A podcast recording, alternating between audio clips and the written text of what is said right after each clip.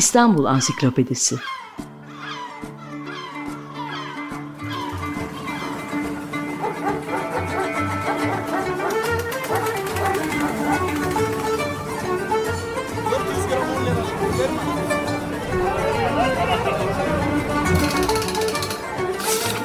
İnsanlar, olaylar, mekanlar, gelenekler ve ihtiyaçlar üzerinden şehrin tarihinden sayfalar.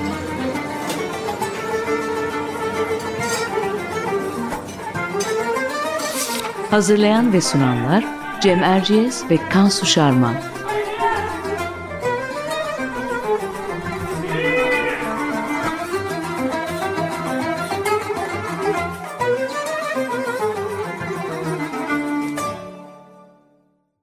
Merhaba, ben Cem Erciyes. Açık Radyo'da Kansu Şarman'la birlikte hazırladığımız İstanbul Ansiklopedisi'nin yeni bir programındayız. Bu hafta konumuz İstanbul'un ilk seyyahları ve ilk seyahatnameleri. Konuğumuz ise kendisi bir şehir seyyahı olan araştırmacı Oğuz Otay. Hoş geldiniz Oğuz Bey. Hoş geldiniz. Hoş bulduk. Merhabalar. Oğuz Otay'ın Efendi Kaptan Kurtar Bizi Mesudiye Zırhlısı adlı bir tarih araştırma kitabı var. Benim de sevdiğim kent kültürü ve seyahatlık üzerine makaleleri ve Gezmek Yetmez adlı seyahat etmek üzerine yazı ve deneyimlerini paylaştığı bir web sayfası bulunuyor. Bunu da e, onu tanıtmak için dinleyicilerimize söyleyeyim. Şimdi her zaman olduğu gibi biz Kansu ile kısa bir özet yapıyoruz ve sonra sözü konuğumuza bırakıyoruz. Malum seyyahlık e, oldukça eskilere dayanan bir yaşam biçimi. Hele ki e, şimdiki gibi herkesin seyahat imkanı olmadığı dönemlerde e, seyyahların anlattıkları, yazdıkları e, çok değerli ve çok önemli ve çok özel. E, özellikle tabii e, kendi e, seyahatnamesini yazmış olanlar e, baş, bambaşka bir yerde duruyorlar ki onlar da bugün bizim e, programımızın konusu olacaklar. Dünya seyahatname türünün ilk örnekleri nelerdir? Şöyle bir bakıyoruz. Roma Cumhuriyeti döneminin Yunan tarihçi, coğrafyacı ve filozofu Strabon'un Geografikasını görüyoruz. Sonraki dönemde de örnekleri var ama 1200'lü yıllarda Marco Polo'nun Doğu Gezisi Seyahatnamesi, İbni Batuta'nın Seyahatnamesi bu konuda edebi eser olarak öne çıkan çalışmalar. Günümüze gelmiş, günümüze kalmış çalışmalar. Bizim coğrafyamızda ise 1500'lü yılların sonundan itibaren batılı seyyahların başkenti olan İstanbul ve Osmanlı coğrafyası da sıklıkla ziyaret edilen e, ve seyyahların gözde e, destinasyonlarından diyelim seyahat terminolojisiyle birisi e, haline alan bir yer. Bunların arasında en önemlileri kimler? Buradan itibaren sözü Kansu'ya bırakayım. Ee, evet Cem, e, özellikle 16. yüzyılla 19. yüzyıl arasında İstanbul e, Batı seyyahlarının gözdesi olmuş bir şehir. E, birazdan detaylarını e, konuğumuz Oğuz Otay'dan alacağız ama kısaca birkaç ismi saymak istiyorum ben de. E, Ciselinde Busbek, Salomon Schweger, Jean Cheveno, e, Charles Petusier, Alphonse de Lamartine, Gerard de Nerval, e, Théophile Gautier, Edmondo de Amici, e, Lady Montagu, Julia Pardo bir seferde insanın aklına gelen e, isimler. E, tabii 20. yüzyılın ilk, yıllar, ilk, ilk yıllarına sarkan dönemde e, meş, meşhur e, masalcı Hans Christian Andersen, Mark Twain, Knut Hamsun, Ernest Hemingway gibi ünlü yazarlar da İstanbul seyyahları arasında yer almış. Yer, yer almış. E, bu noktada bu seyyahların arasında gerek yazarla beraber e, kendi başlarına gelen Şoazül Gofiye, Thomas Allum, Barlett ve Melling gibi e, ressam ve gravürcüleri de unutmamak lazım. Şimdi e, sözü burada kesip e, konuğumuz Oğuz Otay'a dönelim. E, Oğuz Otay şöyle başlayalım isterseniz. E, seyyahlık bugünkü anlamda turizm faaliyetinin olmadığı dönemle, dönemde e, kimlere denmiş? E, çünkü eskiden bazı elçilerin ve diplomatik görevlerin ya da tüccarların da seyahatname yayınladıklarına tanık oluyoruz. O yüzden e, bu soru önemli. E, bulunduğu ülkeyi veya başka ülkeleri gezip döndükten sonra notlarını yayınlamak e, ne zamandır ilgi çekiyor dünya tarihinde? Ee, şöyle aslında seyahat dediğimiz zaman hepimizin aklına gelen tek bir şey var. Bir yerden bir yere gitmek. Yani bir hareket, bir devinim. Aslında bu insanın ilk var olduğu günden beri bir yerden bir yere gitmesi, hareket etmesi şeklinde ceryan etmiş. Ama buna biz ne zaman seyahat diyoruz veya bunu yapana ne zaman seyahat diyoruz? İşte burada çok kritik bir şey e, gündeme geliyor. O da şu, bir yerden bir yere gitmek yetmez. O bir yerden bir yere giderken e, kişisel tecrübeleri, gözlemleri e, ni yazıya dökmek, aslında seyyahlığın ortaya çıkışını oluşturan en önemli argüman. Yani buradaki kritik konu seyahat etmek değil, seyahat ederken kişisel gözlem, tecrübe ve yaşamı yazıya aktaranlara biz seyahat diyoruz. Şimdi ben e, şöyle bir baktım. İlk seyyahlar e, sevgili Cem de e, sunumunda bahsetti. E, ne zaman çıkmış diye baktım. Hakikaten e, tespit edilebilen ilk e, seyyah Strabon. Ama insanlar seyahat ederken e, bir sahiple hareket etmek zorundalar. Yani e, bu ilk zamanlarda e, askeri sebeplerleydi, ticari sebeplerleydi ve sonra da dini sebeplerle başladı seyahatler. İşte e, bu genel seyahatin, seyyahların akışı sırasında aslında bilgiyi arama çok öyle ön planda olan bir şey değil.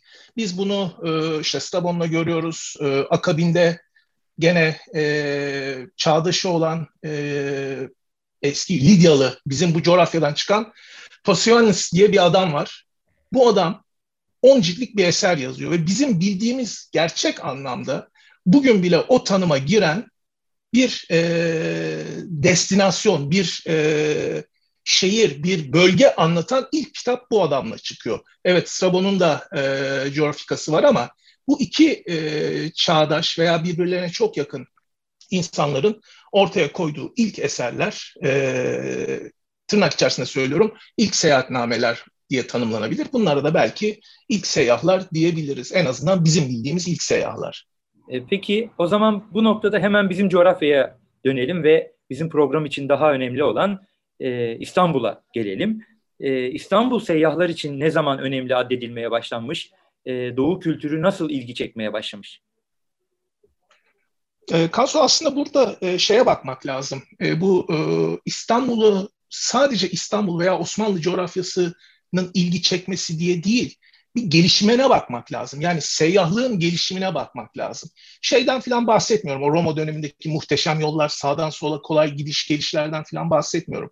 Ama asıl seyhal, seyyahlık veya asıl e, işin döndüğü nokta e, Rönesans ve Rönesans sonrasında özellikle 17. yüzyılda İngiltere'de başlayan Grand Tour diye bir şey var. Şimdi bu Grand Tour ne derseniz bilmeyenler için birçok dinleyicimiz biliyordur ama bilmeyenler için e, kısaca söyleyeyim. E, İngiltere'deki soyluların, e, entelektüellerin, e, hatta ve hatta prenslerin başta İtalya olmak üzere birçok ülkeye gidip buralardaki hayat tecrübelerini geliştirmeye yönelik yaptığı seyahatler ve bu seyahatler 3 yıldan az sürmüyor. İşte bu Grand Turlar, Grand Turların e, Osmanlı coğrafyasını hedef alması daha sonraki yıllarda oluyor ama asıl hikaye işte bu macera tutkusu, bu e, arayış, bu e, bilgilenme, öğrenme tutkusu. Tabii Osmanlı coğrafyasının e, gündeme gelmesinin altında yatan şey aslında bir e, oraya, ilk önce e, şarkçılık değil. İlk önce ne var? E, eski Yunan e, Roma ve Bizans kültürünü tanıma arzusu var.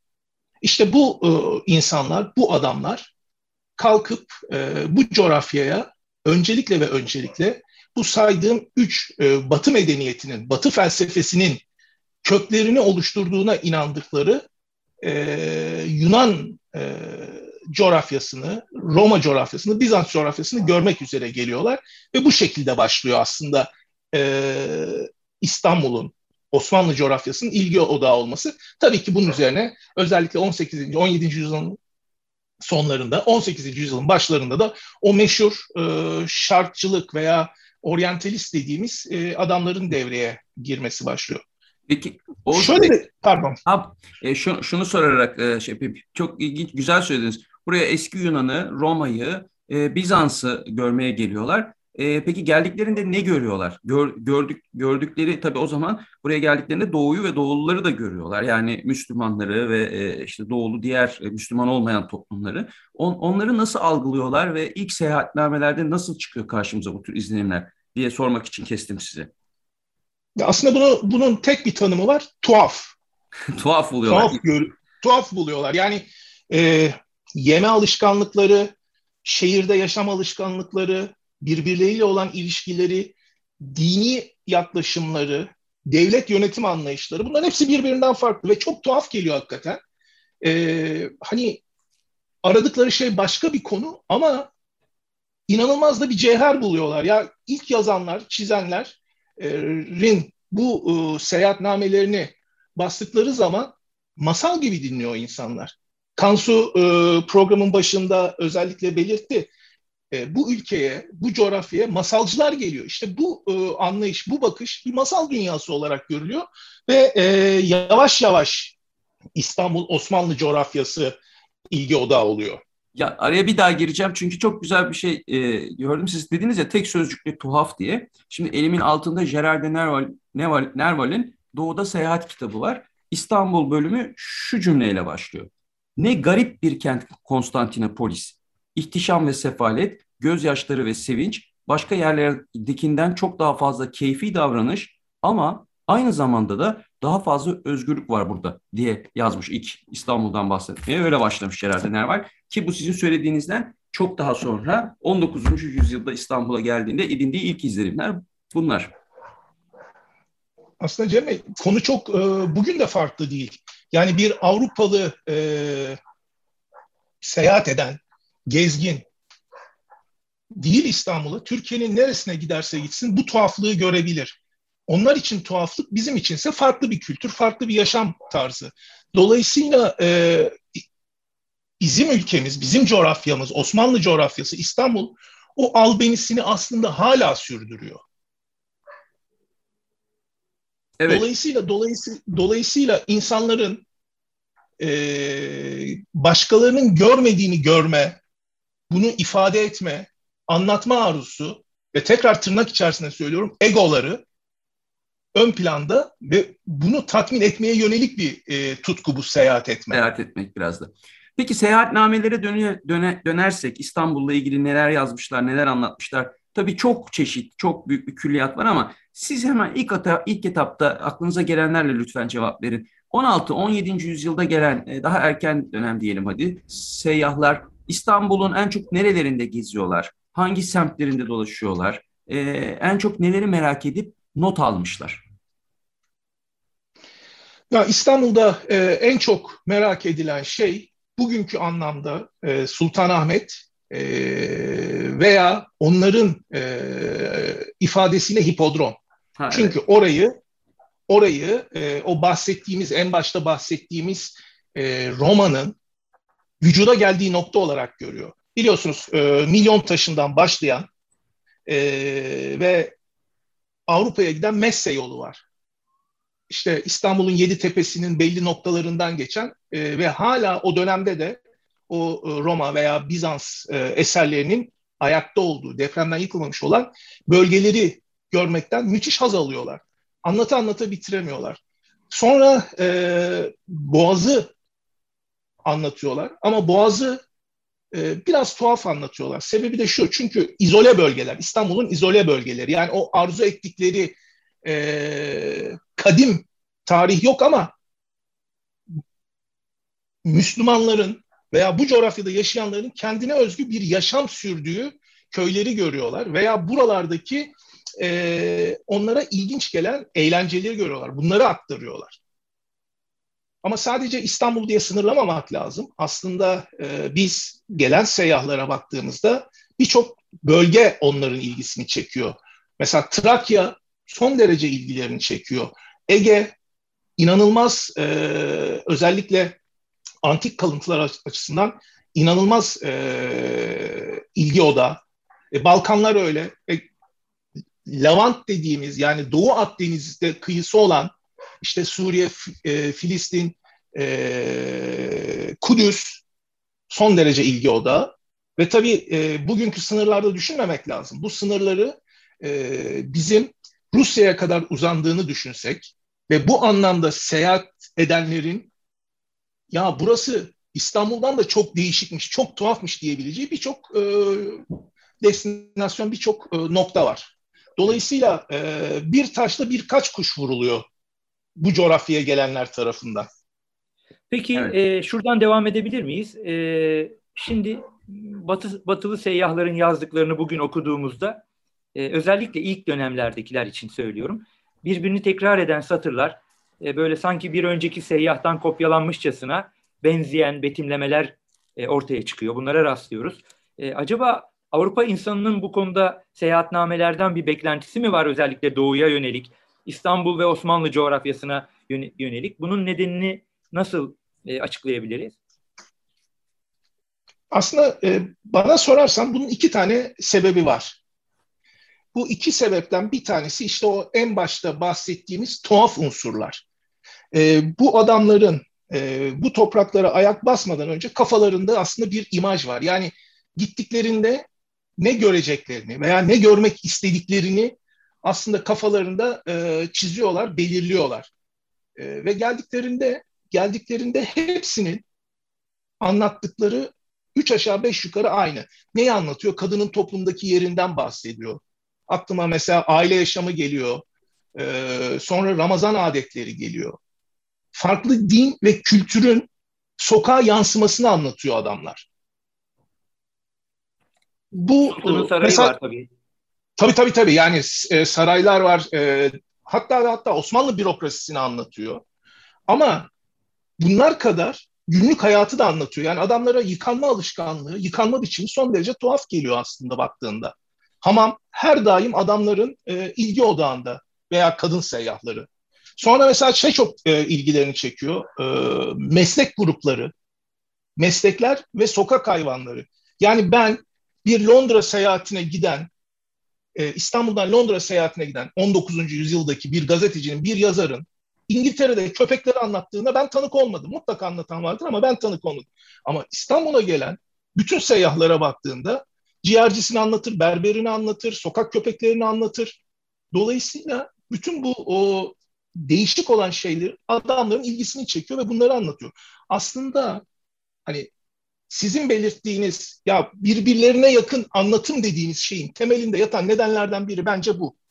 İkincisi ise bu adamların buraya gelen olan o Grand e, Tur'la başlayan ve sonrasında buraya gelen adamların aslında e, entelektüel birikimleri e, bir tornadan çıkmış şey gibi. Yani aynı şeyleri okuyorlar, aynı şeylerle besleniyorlar ve en önemlisi, en önemlisi kendinden önce gelenleri okuyor ve neyin ilgi uyandırdığını daha gelmeden not olarak çıkartıyor.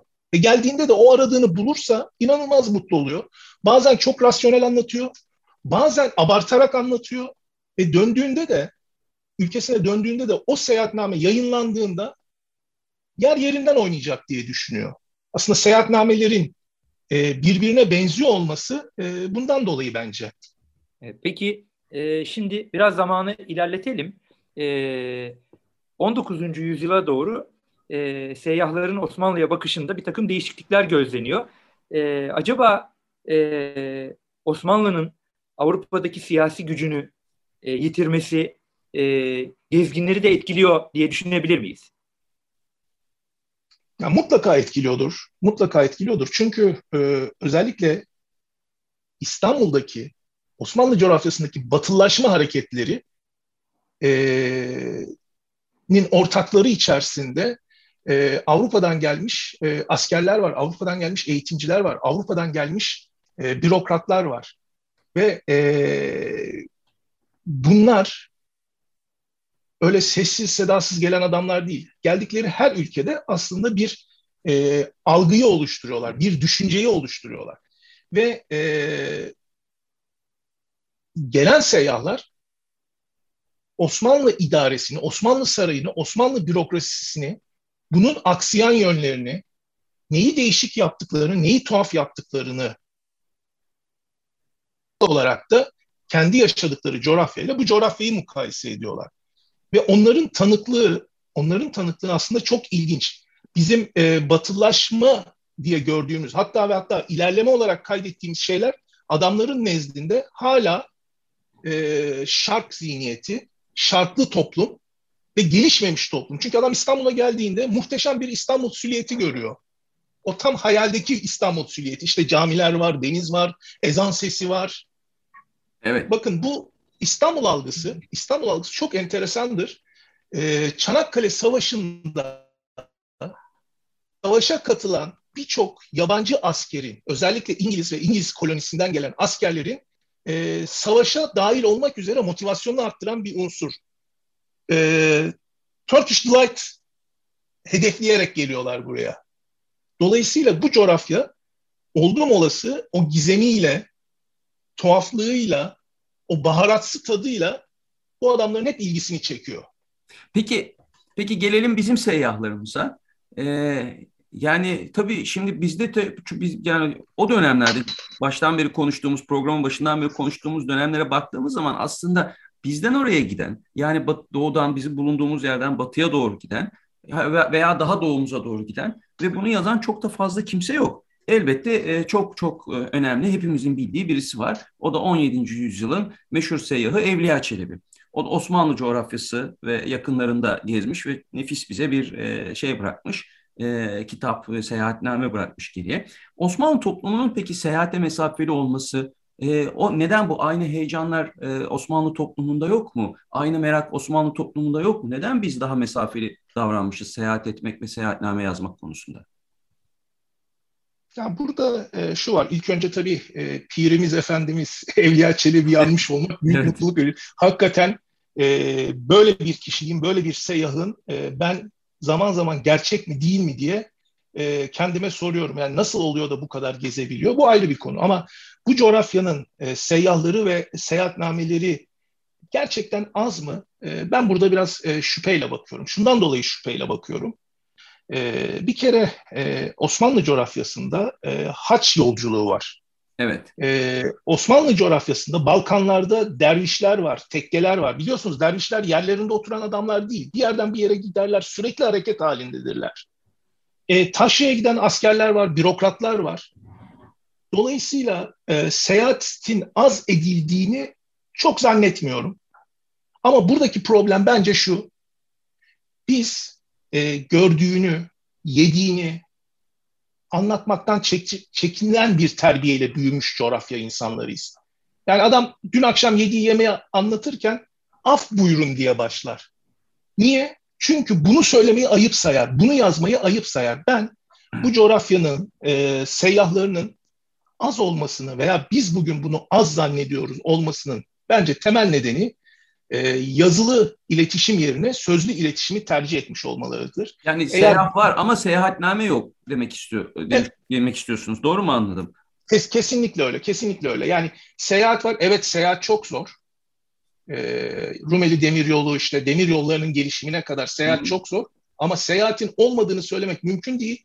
Çünkü Yemen'e bürokrat yolluyorsan, Yemen'e komutan yolluyorsan, işte e, Kars'a yolluyorsan demek bu coğrafyada seyahat ediliyor. Ve bunlar birer ikişer kişi değil. Böyle bir e, topluluk olarak hareket eden gruplar. Dolayısıyla sadece ve sadece ben bu eksiğin e, yazma alışkanlığının olmamasına bağlıyorum. E, Avrupa'ya göre biraz daha az olması da belki şundan olabilir. Evet ekonomik olarak e, ulaşım imkanları olarak biraz daha Avrupa'nın gerisinde olduğu da bir gerçek. Peki e, şimdi süremizin sonuna geldik bir sorumuz kaldı. E, bir soruluk vaktimiz kaldı daha doğrusu. Şimdi o soruya geçmeden önce şeyi de hatırlatmış olayım. E, batılı seyyahların e, e, Oğuz da mutlaka notları arasına almıştır. E, merak ettikleri alanlardan biri de İstanbul'da saraydaki harem hayatıdır ve onunla ilgili birbirine evet. yakın çok metin üretilmiş. Bir kısmı hayali, e, bir kısmı tamamen e, hamasi böyle hurafelerle dolu ama e, o en merak edilen alanlardan biri. Şimdi e, son olarak şunu sormuş olalım. Birazcık sizin gezginliğiniz, seyyahlığınızla da ilgili bir şey. 20. yüzyılda seyyah olmak nasıl bir şey? E, artık ulaşılmamış coğrafya kalmamış. Afrika içlerine, kutuplara, Asya steplerine ve e, Amerikan kıtasının uçlarına kadar gidilmiş 20. yüzyılın başında. E, bugün artık seyyahlık ne vaat ediyor insanlara? Bu sorunun cevabıyla programı tamamlamış oluruz. Ee, Kansucuğum aslında hakikaten o klasik laftır ama devir çok değişti. Yani artık seyahlık dediğimiz şey e, bir ifade biçimi ama bu ifade biçimi şekil değiştirdi ve dijital platforma attı. Yani işte e, sosyal medyalar, e, videolar, artık insanların seyahat ediş biçimlerini e, ve bunları ifade ediş biçimlerini değiştirdi. Fakat ben hep şunu söylüyorum. Yani evet ayak basılmamış bir yere gitmek ister miyim? Kesinlikle gitmek isterim. Var mıdır? Ben hala olduğuna inanıyorum. Ama mesele ayak basılmamış yere gitmek değil. Mesele e, gittiğiniz yerin e, anlatılıp anlatılmadığı. Mesela bir Orkney Island desek, bir Scava Flow desek, e, Trat Lagoon, Yeşilburun Adaları desek. Bunlar ayak basılmamış yerler mi? Ayak basılmış yerler. Ama bunları nasıl anlattığınız önemli. Dolayısıyla dolayısıyla soruya şöyle cevap vereyim. Bir, hala ayak basılmamış yer olduğuna inananlardanım. Ama ayak basılıp basılmaması çok önemli değil. Bunun nasıl anlatıldığı çok önemli. Yani aslında e, günümüzün sosyal medyasının ya da hani bir 50 yıl öncesine kadar gidersek radyonun, televizyonun, daha sonra internet olanaklarının seyahatnamenin yerini aldığımız aldığını, sosyal medyadaki küçük mesajların küçük küçük seyahatname parçacıkları olduğunu rahatlıkla söyleyebiliriz. Evet yani tamamen yerini doldurmuş diyemeyiz ama gidiş o tarafa doğru. Bakalım bizim ömrümüz bu tam geçişi görecek mi? Biz hala geleneksel yöntemlerle, yani ben kendi adıma söylüyorum, hala geleneksel yöntemlerle notlarını alan, seyahat notlarını alan, e, deftere geçiren, sonra da e, bu dijital dünyaya ayak uydurmaya çalışan e, biriyim. Ben zorlanıyorum ama e, bu sistem böyle, bu yöntem böyle, bu usul böyle. Yapacak bir şey yok. Peki. E, Oğuz Otay çok teşekkür ediyoruz. E, bu hafta araştırmacı ve seyyah Oğuz Otay'la İstanbul'un seyyahları ve seyahatnamelerini konuştuk. Bu arada Osmanlı coğrafyası ve Osmanlı'nın kendi seyyahları üzerinden daha geniş bir e, coğrafyaya da eğilme fırsatı bulduğumuzu düşünüyorum. Haftaya yeniden buluşmak üzere. Hoşçakalın. Çok teşekkürler. Görüşmek üzere. Hoşçakalın. Hoşçakalın. İstanbul Ansiklopedisi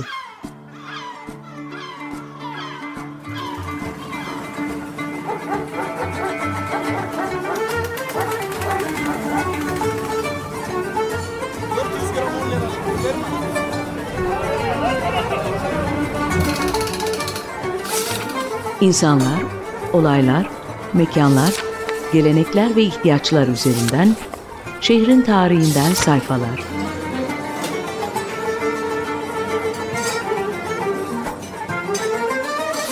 Hazırlayan ve sunanlar Cem Erciyes ve Kansu Şarman.